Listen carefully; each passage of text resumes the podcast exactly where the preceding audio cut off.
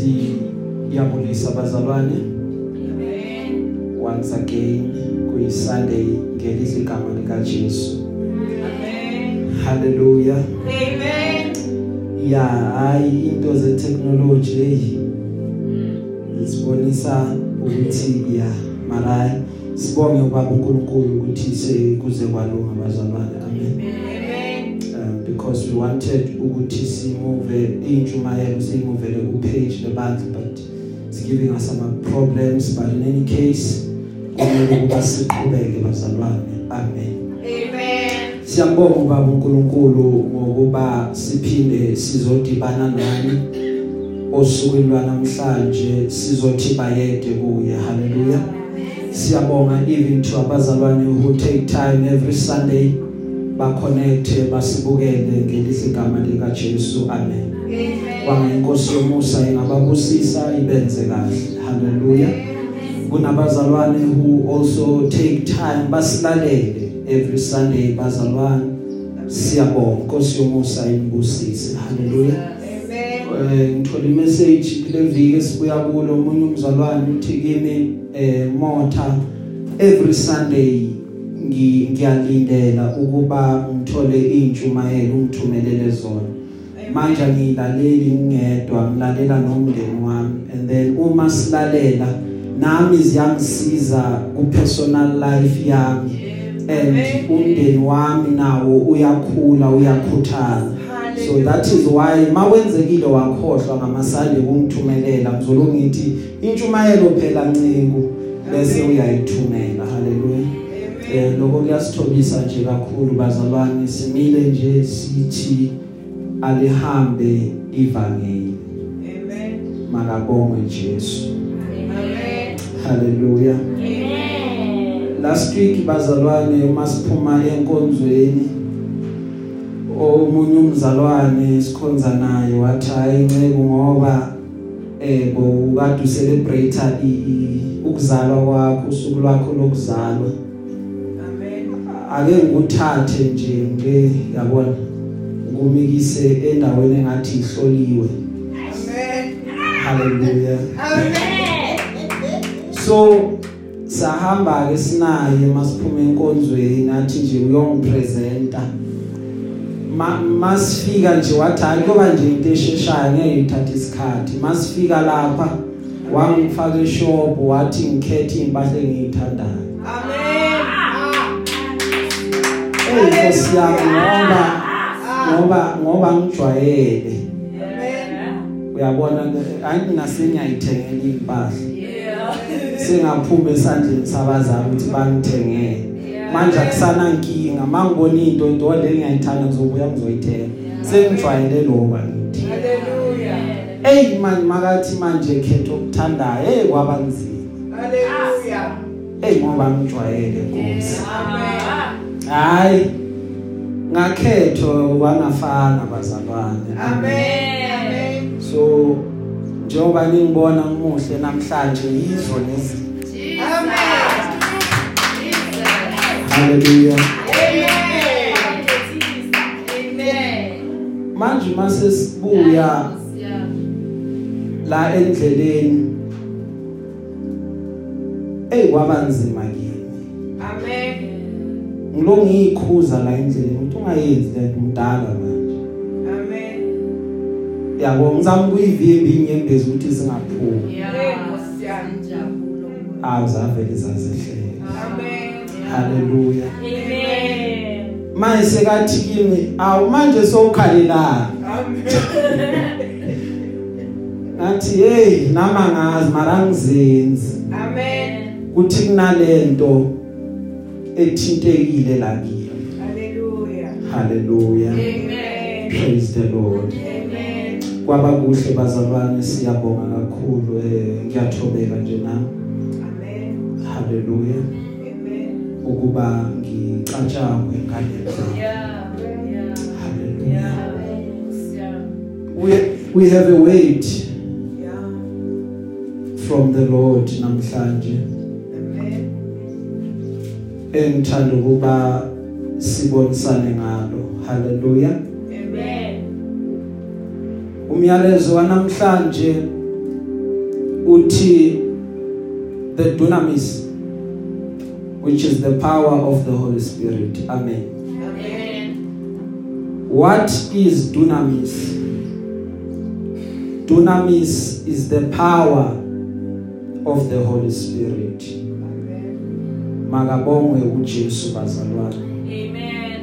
haleluya Amen. emabhayibhelini ethu sifunda incwadi yezenzo izenzo zabapostoli. Chapter 1 verse 8 siphinde sifunde incwadi yabaseFilipi Philippians chapter 4 iverse 13 hallelujah amen bazalwane Amen. Ncwadi yezenzo the book of Acts chapter 1 verse 8 and the book of Philippians chapter 4 verse 13 Hallelujah Amen. iBhayibheli lifundeka ngananzi indlela In English it reads as follows.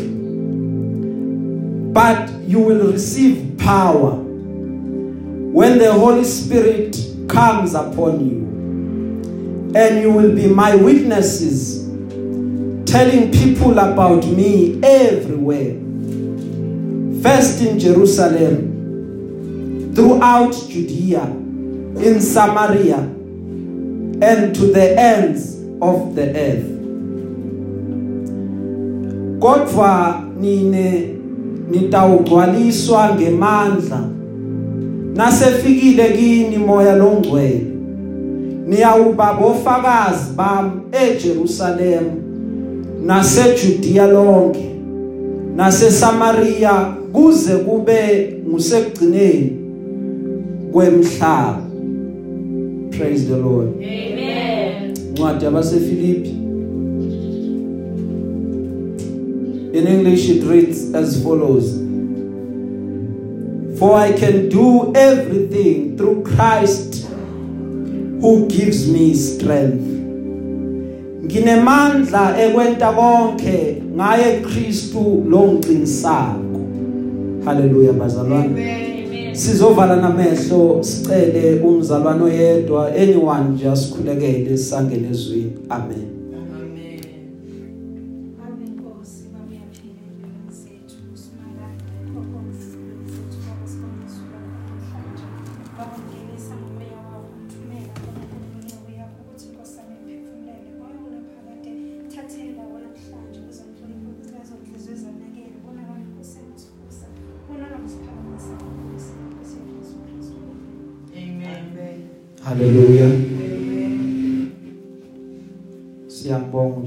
uJesu bazalwane. Amen.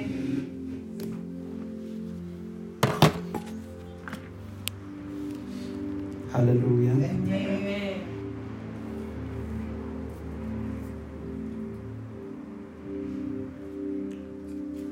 Sizokhuluma osukwini lwanamhlanje about ubuthathu bezulu. Masikhuluma ngobuthathu bezulu sizobuka uNkulunkulu sibuka uJesu njengendodana kaNkulunkulu. Qeda sibuke umoya oyingcwele. Amen. Hallelujah. Amen. focus yethu isekuhlaleni kumoya oyingcwele haleluya Amen. now bathathu uma bebizwa babizwa ngokuba iholy trinity haleluya Amen. that is god the father god the son god the holy spirit Amen. haleluya Amen. why more especially babathathu amen Amen. unumber 3 eBhayibhelini it's a number of harmony inamba yobukhona bakaNkuluNkulu. Kuphinde futhi kube inamba yokuphelela. U3 usebenziseka noma usebenzisana kakhulu no7 ngoba u7 is God's number of perfection. Same as u3 u3 it's number emele ilokhuza emele ukuphelela kobuNkulunkulu. Hallelujah. Amen. And throughout the scriptures uyambona lo 3 avela. So namhlanje sizokwenza lokho nje ukuthi siveze lo 3 hallelujah. Amen. ngoba before kuba khona iflood bekade kukhona ama patriarchs amathathu. Lawo ma patriarch oqala uAbel owesibili uEnoch owesithathu uNoah. Hallelujah. After sekube khona iflood noma ikhukhula kukhona other three patriarchs amagama abo oqala uAbraham owesibili uIsaka owesithathu uJakobe. That is why when God comes athi uNkulunkulu kaAbraham uNkulunkulu kaIsaka uNkulunkulu kaJakobe.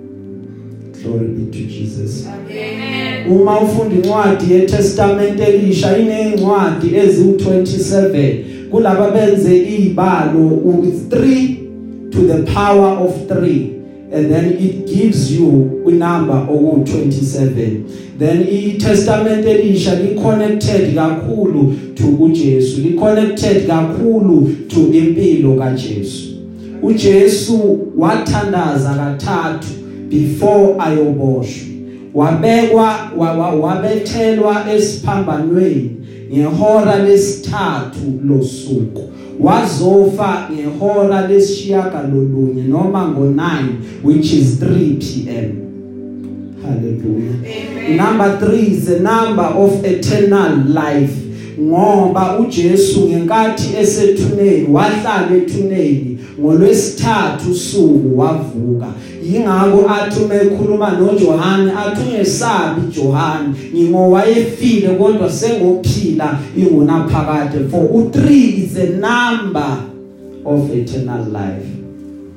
That is why ngenkathi basentabeni lithi iBhayibheli kwabonakala inkazimulo ibasibekela bese lithi iBhayibheli uJesu bekade ehamba namadoda amathathu uPeter uJohn noJames hallelujah Amen. So u3 it's a number engathiwa inamba yamandla kaNkuluNkulu inamba uNkulunkulu abonisa ngayo amandla. That's why mawufunda iBhayibheli bebakade babathathu abantu abakwazi ukubuza uNkulunkulu noma ngabe yini. Owokuqala uSolomon owesibili uAhaz owesithathu uJesu Kristu. Amen. hallelujah.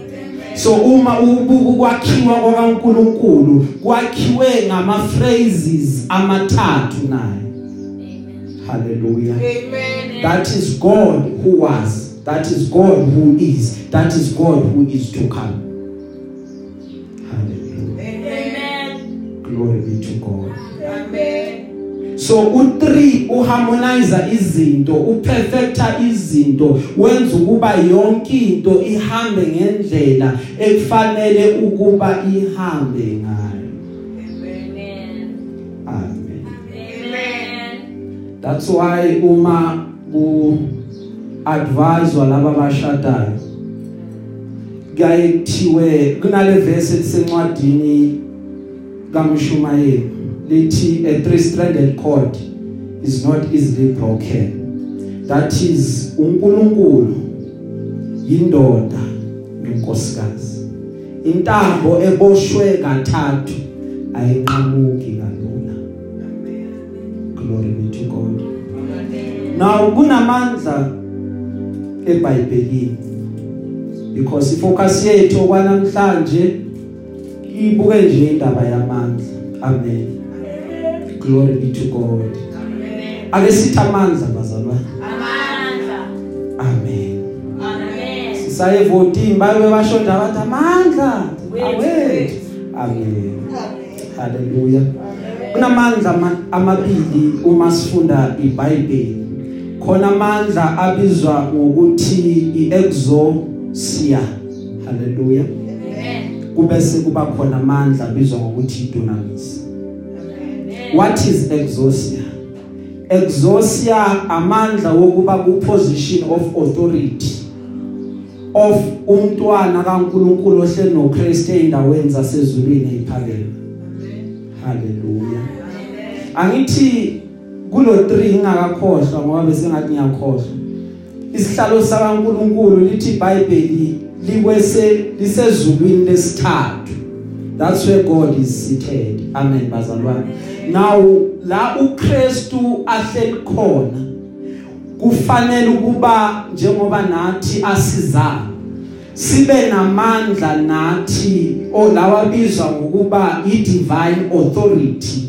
Amandla okwazi ukukhomanda izinto from iposition yakhe yokuphakama.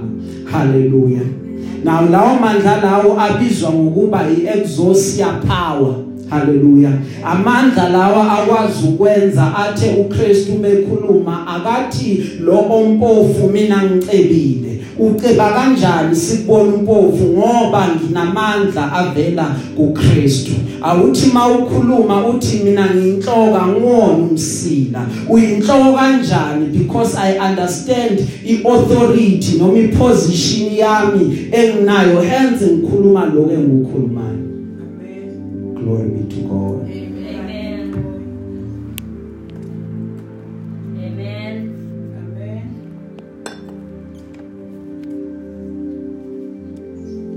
and then there's what we call dunamis. What is dunamis? Dunamis is the power of the holy spirit that worketh in us. Dunamis amandla kamoya oyingcwele osebenza kithi.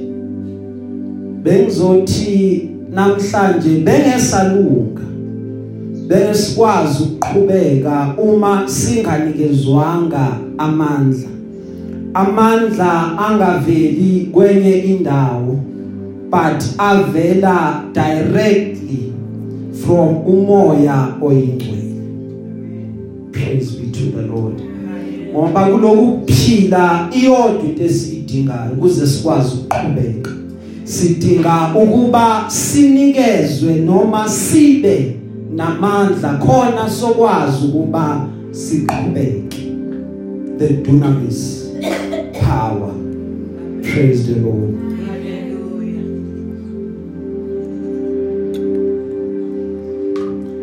What is dunamis power? Where does the name udunamis come from. Leli gama laka dunamis kulaba babukayo kunegama elivelayo lapho laka dynamite haleluya udalmed into ekwazi ukuqhekeza amadwala. Iyini dynamite idynamite yilento encane bovu ecishe ifane ngazuthi ikhandlela ebayithathayo abasebenze imayini kuthiwe nanti idwala alikwazi ukuphuka ngale grinder esisebenzisayo bese kuthathwa idynamite encane ifakwe edwaleni. Uma ifakiwe edwaleni bese iyalayitwa then mase ilayitiwe bese kuthiwa qhelani nonke. Uma seniyemumva naqhela nizobona idwala bese seliyaqhekeka. Ngobani? Ngoba phakathi kwalo sekufakwe edynamite hallelujah. Amen. Now uNkulunkulu wenza umuntu. uNkulunkulu uma semdalile umuntu umuntu wahamba wahamba wona enkosini. Haleluya one, one of the things eyenzeka ngenkathi umuntu sekonile kukhona amandla awalahleka. Umuntu walahlekelwa amandla athile ebekufuneka noma bekade kufanele ukuba aphinde abuyiselwe noma abe restored lawo mandla lawo. Yizwa usathane uma elinga uJesu lithi iBhayibheli wamthatha wamkhuphula uJesu. Uma sekamkhuphulile uJesu wambonisa yonke imibuso yomhlaba. Wathi konke lokubonayo kungokwami. Inqobo nje wena uma uyakungidumisa ungikhonze. Ngiyakunikeza konke that which you see. Ngoba umuntu sekasuswe kuposition yakhe yamandla kwazongena kuyo isitha. So uma uJesu eza ezofela abantu part of the reason was ukuthi umuntu akuyele kule position yakhe yamandla so that kungabi khona nokodwa into edaliweyo eyawukuma phezulu kwakhe umuntu. Ithi mina nginamandla phezulu kwakho ngoba umuntu udalwe ukuthi abe namandla phezulu kwazonke lezi zimo hallelujah Amen. glory be to god Amen. Now lithi ke iBhayibheli uma silifunda uJesu eselingiwe wamnqoba uSathana nithi lisho njalo nithi uma uJesu eseqhubeka uthi mina ngimnikile amandla okuba ninqobe konke akukho nokodwa okuvela esitheni okuyakuba namandla phezulu noma ngabe kuyini but mina ninokwazi ukuba ninqobe ngobani ngoba amandla nina seninawo Amen. haleluya Amen. now uma silifunda iBhayibheli laba balifundayo from eh ku Old Testament kuvela uNkulunkulu. uNkulunkulu uyakhuluma uthi asenze angithi? Amen. asenze umuntu. Asifuza afane nathi. So kuNkulunkulu kunama characteristics omuntu. Kunomuntu kuNkulunkulu. Eh akufanele ngithi asazi umuntu ngoba sazi umuntu but sazi umuntu ngoba uNkulunkulu enguNkulunkulu. Uyifu uNkulunkulu akabanga nguNkulunkulu ngabe umuntu asimazi because umuntu is an extension of who God is. Uma ngithi nginezandla zokuphatha yingoba uNkulunkulu naye unezandla zokubamba. Uma ngithi nginengqondo yokucabanga naye uNkulunkulu unengqondo yokucabanga. Mina ngiyinzalo yakhe mina ngiyisidalwa sakhe. That is why uNkulunkulu angilandela kangaka. That is why uNkulunkulu ekhathazekile ngami. Lize lithi iBhayibheli athi umoni ngiyomlandelela kuze kube sethuneni ulandela ini kangaka simaka kade ulandela umoya wakhe ophakathi komuntu ulandela indalo yakhe ayidala ngoba eyithanda athanda ukuba ibe ku position of iauthority kwazi ukukomanda izinto bese izinto ziyenzeka. But ngoba umuntu esewila akasakwazi ukuthi abe ku position yokukomanda izinto. Umuntu sekaka mind ukusuka agwaliswe lokathi uyofuna amandla kanti amandla ala kuye ngaphakathi. Amen. Praise be to the lord. So so so so, so now umulifunda iBhayibheli you you you you, see the holy spirit ukuthi kwakudala vele akhona. Akona ukuthi ufika kamuva. Amen. because la sifunda khona uthi uJesu uma ekhuluma nabafundi nina nizokwamkeliswa amandla uma umoya oyingcwele esefike phezulu Amen. kanti kangekho yini eqaleni Amen. ekufundeni kwami iBhayibheli ngiyathola ukuthi ubekade khona kwasekuqaleni. Uma uma ngifunda uGenesis chapter 1 ngimqala lapha ekuqaleni ngiyathola ukuthi lithi iBhayibheli sekafikile uNkulunkulu azokhuluma sekafikile uSimakade azodala lithi iBhayibheli wakade kunomoya. Amen. kaNkulunkulu hamba hamba phezulu komhlaba. So umoya bekade vele usekhona. Uma sekuthiwa se- se- uma sekakhuluma thatsidala abantu sekakhuluma nokuthathu bezi already umoya ukhona Amen. now ku New Testament what is the difference hallelujah Amen. ingoba lapha ngenkathi efika bazalwane eTestamentini elidala lithi iBhayibheli masifunda about uAbraham kwafika amadoda amathathu ekhaya lakhe uma fika lanka madoda wayekade angobani?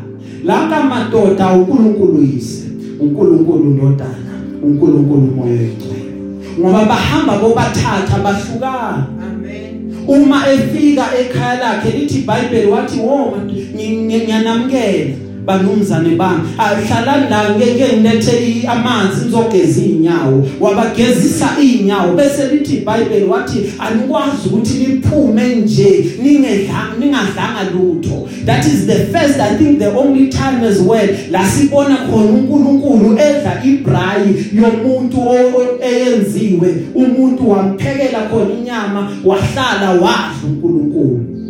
Uthathu bezulu bayidla inyama. Bathi mase baqedile ukudla ibrayi lithi iBhayibheli wathi ke uNkulunkulu ngizobuya Abraham ngalesi sikhathi ngonyabo zayo umkakho Sara bese aba nengane. uNkulunkulu wehla yena specifically wayoyikhulumela naye uAbraham ukuthi ngalesikhathi ngonyabo zayo zabugone umntwana. Bese lithi iBhayibheli uSara wahleka. Amen. wathi mbuze ukuthi uhlekani wathi hayi angihlekanga kube nje vele uhlekile Amen. haleluya ngoba Amen. uNkulunkulu bekade edla Yeah. azokhuluma nabantwana bakhe Hallelujah. now the more ufunda ufunda uqhubeka iBhayibheli uyabona ukuthi akasaveli kangako edla even eTestamentini elidala but kunabantu bebakade bahamba naye uNkulunkulu. Kunabantu bebakade badependa emoyeni ongcwele. Izwa uHezekiel uthi uma ekhuluma uthi umoya wenkosi wawukade uphezulu kwami wangihola wangiholela esigodini. Leso sigodi sasikade sigcwele ini amathambo bese uNkulunkulu lapha esigodini wakhuluma kimi wathi prophetha kulamathambo uwatshele ukuthi mathambo philani. Bese lithi iBhayibheli amathambo wembathi isikhumba amathambo wembatha umkantsha waqalwa amathambo ukuthi abe nokunyakazo kuba khona but there is something that was lacking kuleso sikhathi into ebekade ishoda bekade kuumoya Amen. moya ukade ungekho Hallelujah. uma amathambo sewamile sekunzima ukuthi aqhubeka anyakaze anyakaze ngenkathi ehlangana anyakaze ngenkathi ama join eza zongena but ukuthi kube ne movement bengasakhonakala Amen. Wabe sekhuluma uNkulunkulu. Wathi khuluma nomoya from the four corners of the earth that is north east west south. Khuluma nawo. Bese umoya uyeza uzongena kulamathambo. Bese lamathamba yaqala ayaphila. Yimuphi kanti lo moya bekade ekhuluma nawo? The holy spirit. Amen. ngoba uma yena engekho asikwazi ukuba siphile. Sifile thina uma yena engekho. Amen. angithi kunendoda yanikezwe induku. Amen. wathi wathatha nayo induku hamba uvusa umntwana. Wathi ngiyibonile le nduku isebenza. Ngiyibonile le nduku igila imanga ngiyofika lapho umntwana uyovuka. Lithi iBhayibheli eyiphethe induku umntwana akavuka Amen. haleluya Amen. eyiphethe induku umntwana akavuka Amen. kwamele ukuthi abuyele emuva amikise negative report. Umntwana dololo ukuvuka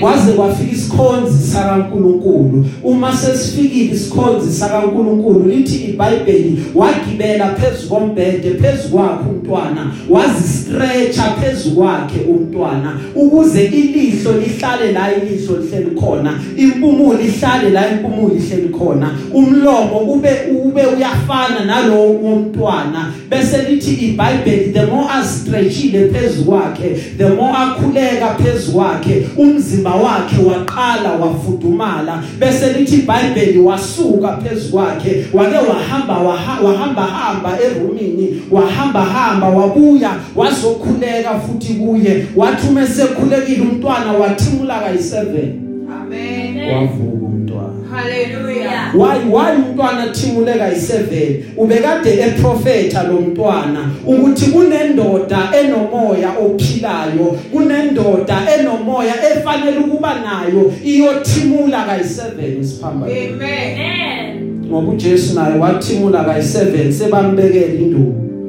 Hallelujah. glory be to God Amen. saphila thina Amen. lazami bandla Amen. so uyabona ukuthi umoya vele oyingcwele wawukade ukhona. Akona ukuthi uqala manje.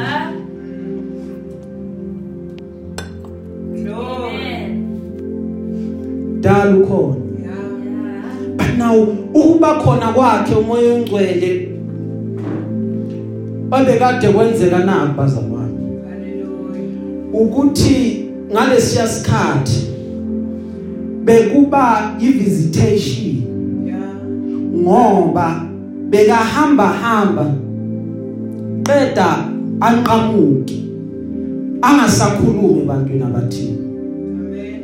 uEli wayekade engumpriest angithi Amen. njengoba uEli awumpriest akhuluma indaba zakaNkuluNkulu during his time umoya oyingcwele kuye ngoba bengahambanga kahle nendlu yakhe waya waya wanqamuka. Hence kwabe sekuvuswa uSamuel na uSamuel engalazi izwi lakamoya oyingcwele azizwi lompriest kwaba khona into ekhulumayo izwi elikhulumayo.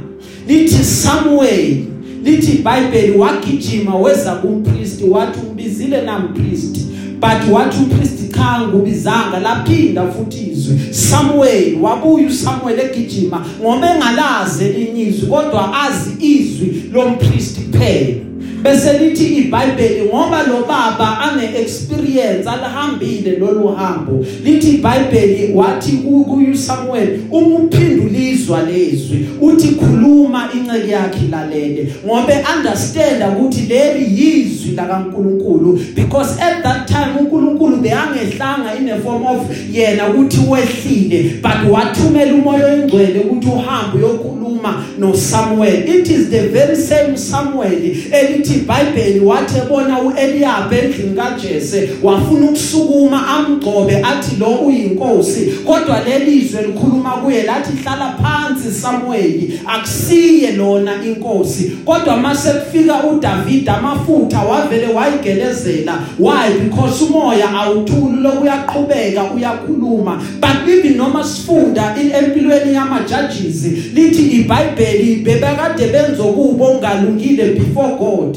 Bese uNkulunkulu ebanikele i10 zabo. Uma sebanikele i10 zabo bese lithi iBhayibheli uma seyibahluphile izitha zabo bahambe bayokhala enkosini inkosi siyahlupheka. Kunabantu abasimele kabi simakade bese uNkulunkulu athumele a deliverer who will deliver them. And after uNkulunkulu has delivered them abe a judge over them loyo muntu loyo. Emva kwesikhathi uma seshonile bese bayakhohlwa futhi uNkulunkulu Amen. ngoba nje manje uzozalwa uSamuel lithi iBhayibheli izwi lenkosi lalikade liswelekile ngaleso sikhathi so bebakade bangasalizwa Hallelujah. haleluya Amen. bese bakade benza umathanda because izwi lakhe abasalizwa Amen. so he was coming in a form of a visitation afika to an era qeda dlule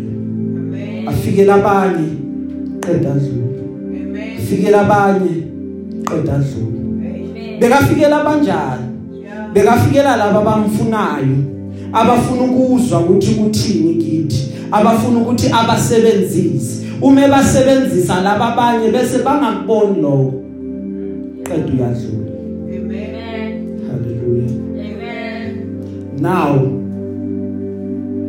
uma ibandla selifanele selizelwe esiphambanweni. Uma uJesu sekavukile kwabafile. Kwamele ukuba umoya oyingcwele uma ufika. Ungasafiki in a form of a visitation. Hallelujah. Amen.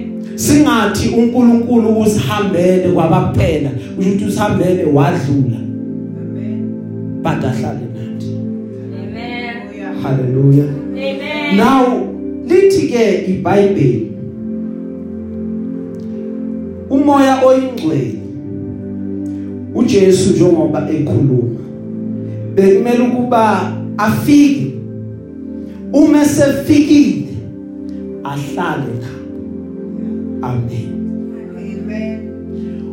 uma sifunda about uJesu uthi uIsaya umekhuluma sizalelwe umntwana siphiwe indodana umbuso uyoba semahlombe akhe abaprofeti bakhuluma baprofeta ukuthi uJesu uyeza angithi Amen.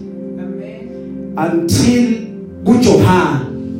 uJohane naye wathi mina ngi ngiyamemeza ehlane khona lozayo uthi umeyichaza uJohane indaba yakhe athi mina angifanele ukuba ngiyo untire even icathulo zakhe ngoba lo ozayo mkhulu kakhulu.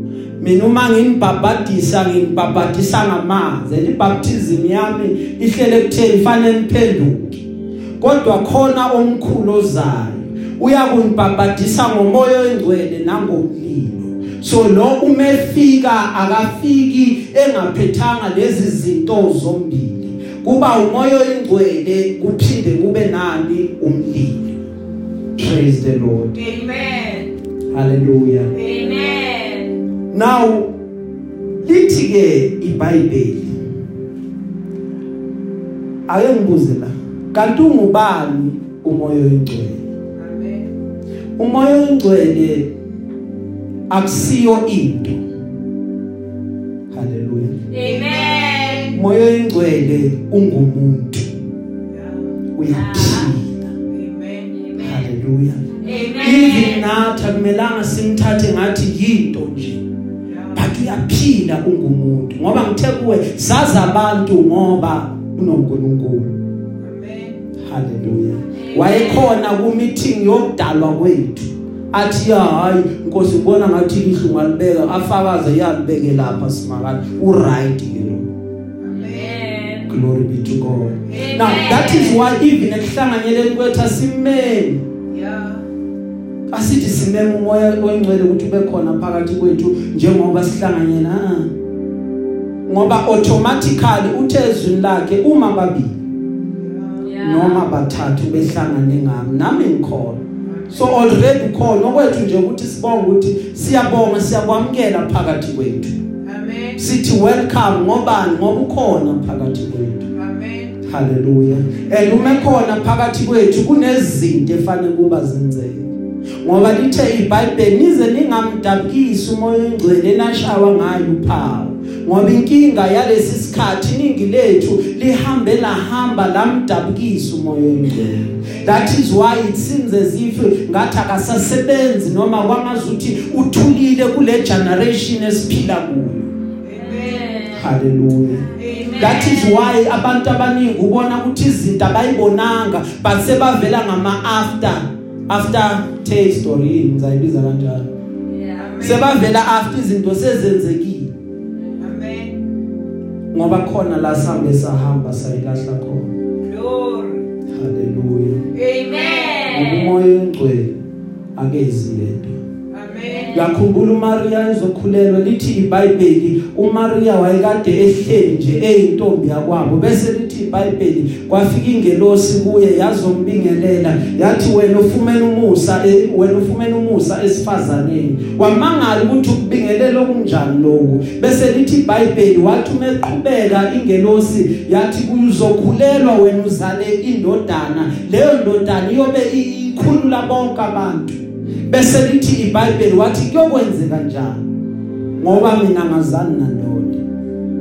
Bese lithi iBhayibheli umoya oyingcwele uyakusibekela wena. Bese uNkulunkulu angene phakathi kwakho. Umoya oyingcwele the dunamis power yakhe iyongena kuwe bese uzala umntwana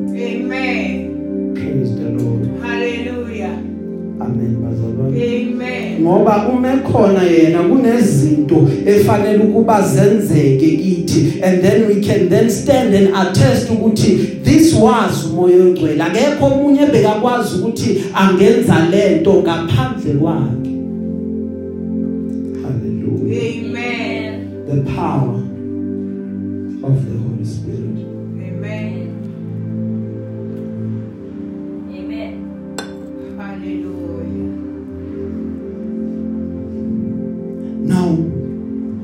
iBhayibheli kodwa nina nizokwamukeliswa amandla. Umoya oyingcwele esefikile phezukweni bese niba ufakazi bami eJerusalem. Amen. NaseJudea lonke naseSamaria kuze kube sekugcineni komhlaba. Amen.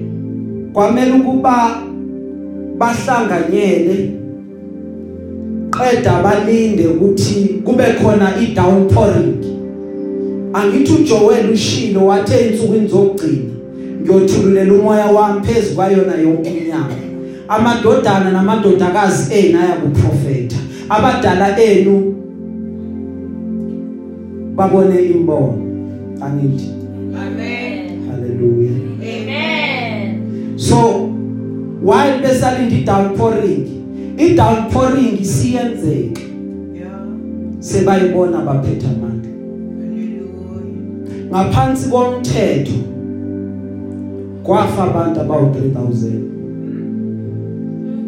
haleluya Amen. uma umoya engcwele sefikile kubo Hallelujah. lithi iBhayibheli wathi eshumayela uPeter Yeah. Yeah. kwasinda abantu abayi so umusa ulungisa lezi zinto ezonakaliswe umthetho kunganakiwe praise the lord Amen. Now lithi ke iBhayibheli uthi uJesu uthi uPaul mekhuluma mina nginamandla okwazi ukwenza konke Amen. ngoKristu oqinisayo Amen. namandla okwazi ukwenza konke ngoKristu ongipha amandla ngoba ukuba khona kwakaKristu ande ndaba iqale uNkulunkulu uNkulunkulu wayehla kuye kuye kwehle uKristu angithi Amen. azophila phakathi kwabantu bese abatshele about the promise angithi Amen. okungumoya oyingcwele ukuthi mlindeni ize nimbathiswe uma senimbathisiwe bese uyafika umoya oyingcwele phakathi kwabo. Ngoba yonke lento izulu eliyenzayo liyafakazelana lenzi li- li- lingafakazelananga. Uma izulu lihamba it moves in the power of 3 angithi wathi uJesu eyobhabhadiswa uJohane lithi iBhayibheli wafika wathi Johane umbhabhadise bese uJohane uma esembhabhadisa lithi iBhayibheli wavuleka izulu kwabonakala uNkulunkulu ekhuluma athi lo uyindodana yami engithokozile ngayo izweni bese lithi iBhayibheli wehla umoya ongcwele ngesimo sejuba wazohlala la phezukwakhe azo affirm ukuthi yonke lento ebonakala la ihamba nokuthathu bezulu. Akekho wenza into lomunye angenzanga lutho Amen. haleluya Amen. amen bazalwane Amen. now ekuhambeni kwethu nenkosi Yeah. ekukhonzeni kwethu inkosi Yeah. kufanele ukuba kube khona Yeah. amandla Yeah. ambulekayo Amen. haleluya Amen. because i generation yethu seyiwamukele umoya oyingcwele Yeah. haleluya Amen. Le- lenzekile usuku lwe- lwe- lwePentecosta lwadlula amandla sewakhona Amen. so kufanele ukuba kubonakala ukuthi okay laba bantu abahambi bodwa but kunamandla abahamba. Amen. glory be to God Hallelujah. Yeah. umbuzo uthi kuyovela kanjani Hey. ngoba uJesu wakhuluma wathi ngiyocela ubaba Yeah. angithumele umduduzi Yeah. oyakungifundisa nibonise konke Amen. Yeah. haleluya Amen. niyobona konke nazi konke Yeah. ngoba ngithe kuyo moya engcwele ungumuntu Yeah. And engifuna ukuthi ukubambe kuloko ukuthi akusiwona wonke umamkelayo Yeah. umoya oyingcwele Amen. nabazalwane uPaul bekade ekhuluma nabo ababuza ukuthi ingabe nasindiswa? Bathi yasindisiwe then abese uyababuza ukuthi nibhabhatisiwe yini ngomoya oyingcwele Amen. bathi labazalwana asazi thina nanokuthi khona umoya oyingcwele bathi kanti nibhabhatiswe kuphi ukubhabhatiswa bathi sibhabhatiswe ukubhabhatiswa lokwakaPaul ukuthi umuntu makaphenduke. Bese lithi iBhayibheli wababeka izandla wabathandazela. Ume bakhulekela bese lithi iBhayibheli emva kwaloko bese bamkela umoya oyingcwele wangena kubo ngaphakathi kwabo. Uma esengenile baqala bakhuluma ngelimi uma beqeda baphinde baprofete Amen. Because njalo umoya oyingcwele efikile there is a change that has to take place. There is a change efanele kuba siyibone ukuthi right now lo sekamamkela umoya oyingcwele Amen. haleluya Amen. ngoba umoya oyingcwele ungamandla. Now ngithe kuwe umoya oyingcwele ungumuntu angithi. Now ungumuntu njalo eqaleni bekafika.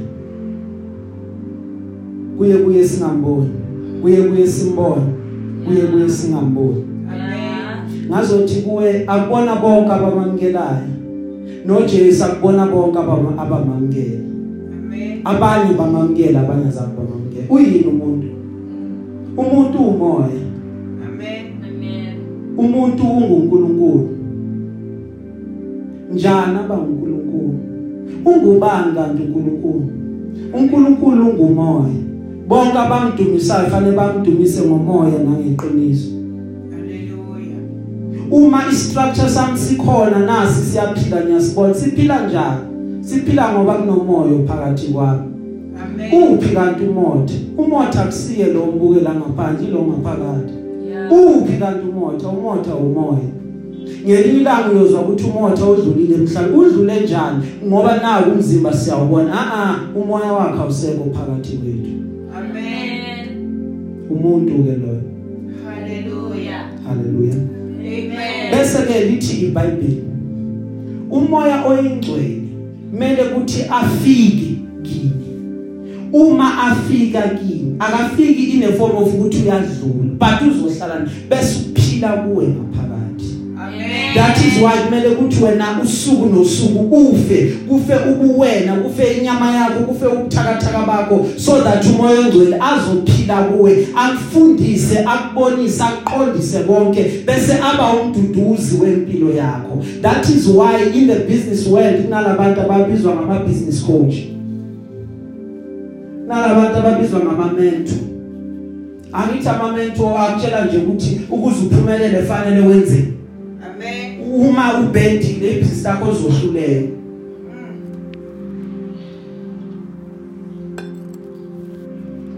that is the function of umoya ongcwele afika azokumentorisha a a wena ngoba uhlanzwe ngegazi awukhulumi kanje. Uphila kuwe. Awusali kokhuluma nomuntu uthi la ngathi ngiphazamile la ngenza wrong a a lo ngene ngaphakathi kuwe umoya oyingcwele athi laba abakholwa abayihambi lendlela ofuna ukuyihamba ngoba wena wenze njani? Ushawe uphawu. That is why fanele kuphileni kwakho ungamdabukisi yena. Hallelujah. ngoba izwi lakhe alibanga umsindo izwi lakhe is a still small voice efika ikhulume nawe. La abantu base bathi yazi ngibulawa yini? Unembeza wami uyangilahla. Abanye basho kanjalo. Ingoba khona lezwe selikhuluma kuyo ungakwenzi lokho Hallelujah. bese umuntu enzani hayi mina ngiyayiyeka lonke lento ngiyaqhubeka ngidazi inkani bese umoya ongcwele uyathula.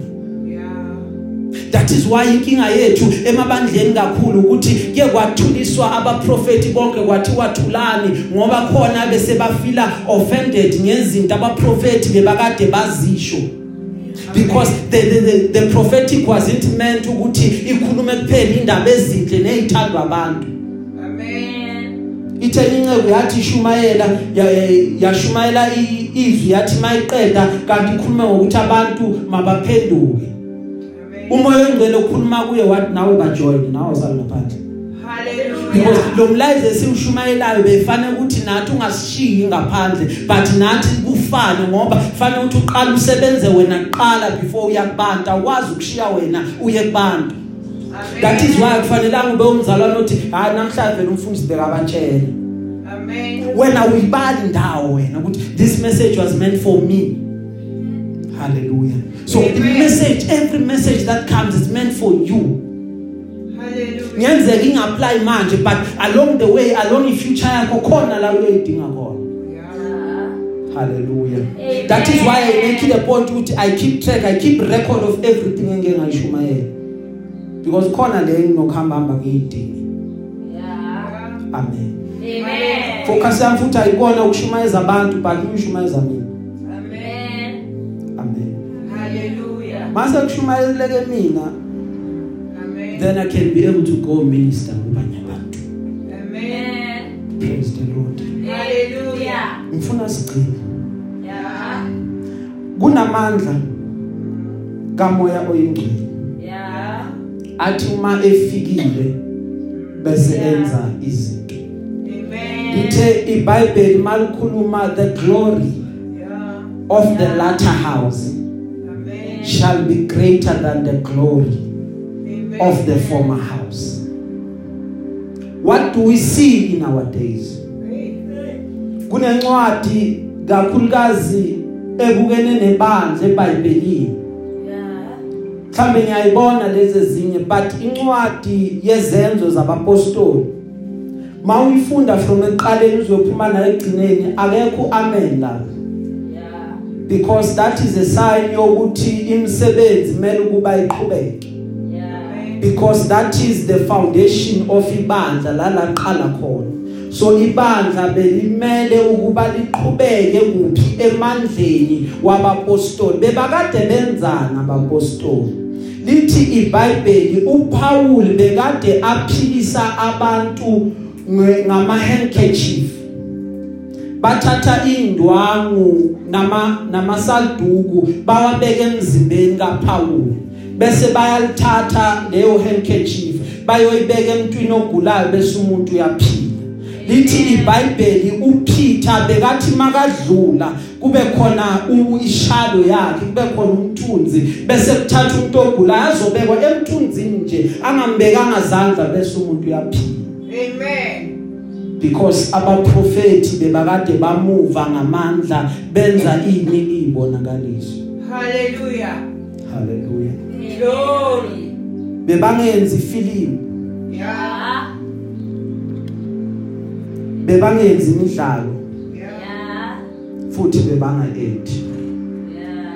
haleluya Amen. funeka ukuthi ekuphileni kwakho kube nezinto la ungathi ngimbonile uNkulunkulu evela ngamandla Yeah. sesagcina ne Hallelujah. Ngimbonile uNkulunkulu evela ngamandla haleluya. Amen. khumbula ngangikade ngiu MC komunye umncwabo manje sizongcwaba umkamalume la umalumekazi.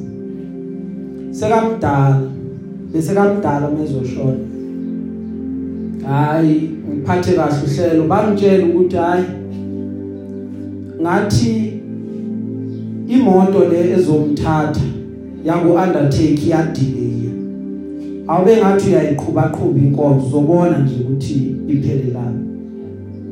Manje ngabizwa omunye ugogo ebebathe uzokhuluma usiswakhe afika ugogo eyimphathe kabi le ndaba yokudlula emhlabeni kwakadadewabo.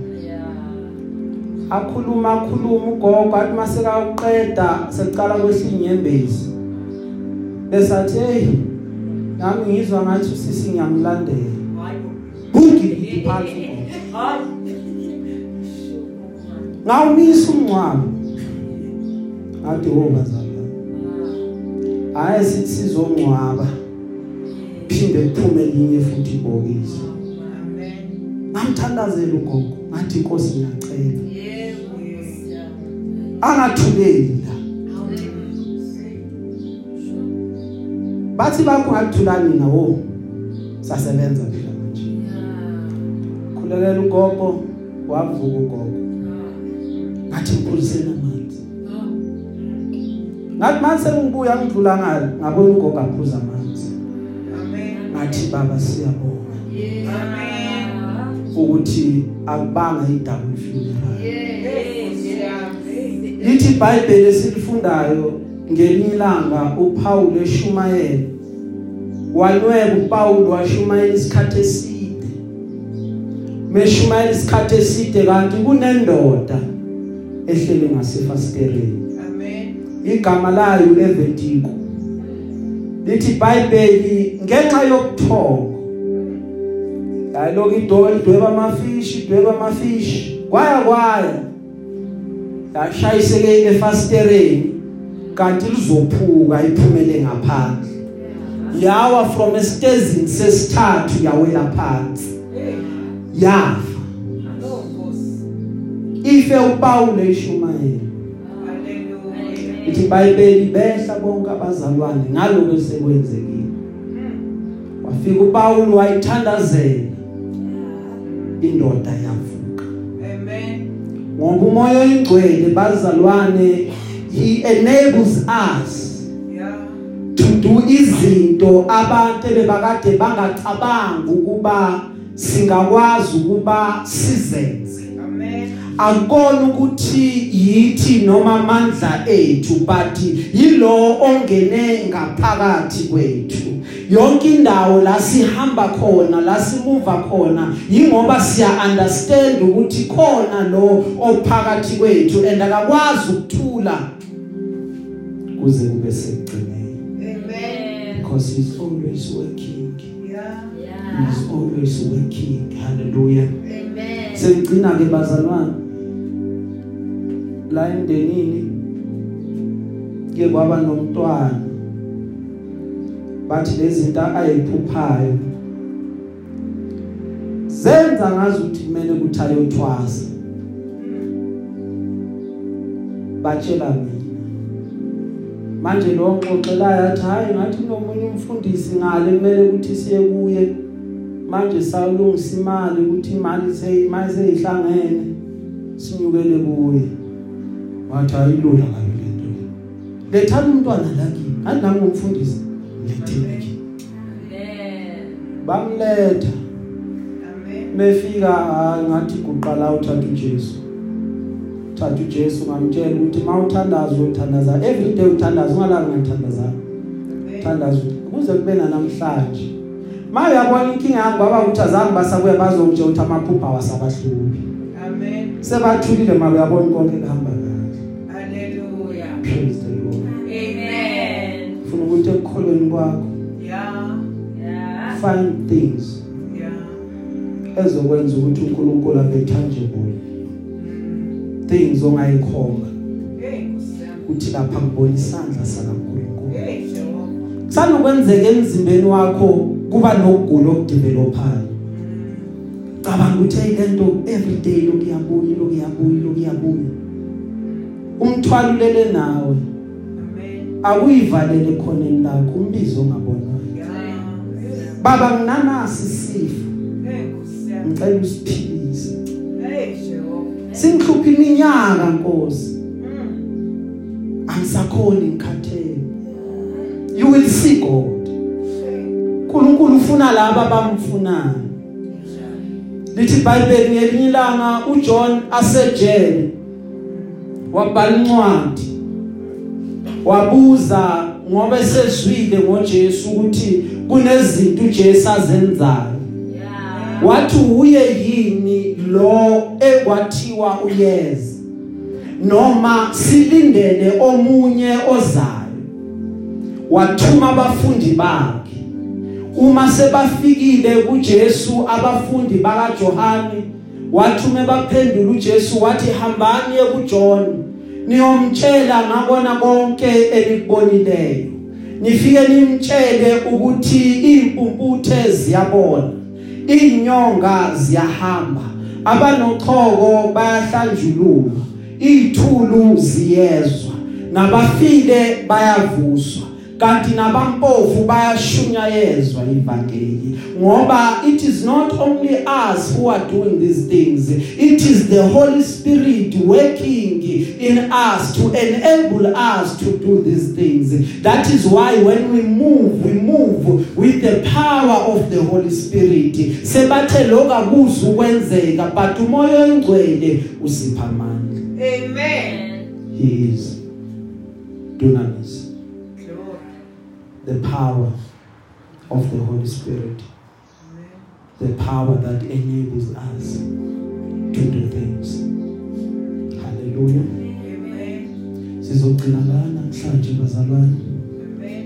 kwanga inkosi yomusa inganibusisa inenze kahle Yeah. uJehova aniphe ukuthula Amen. amen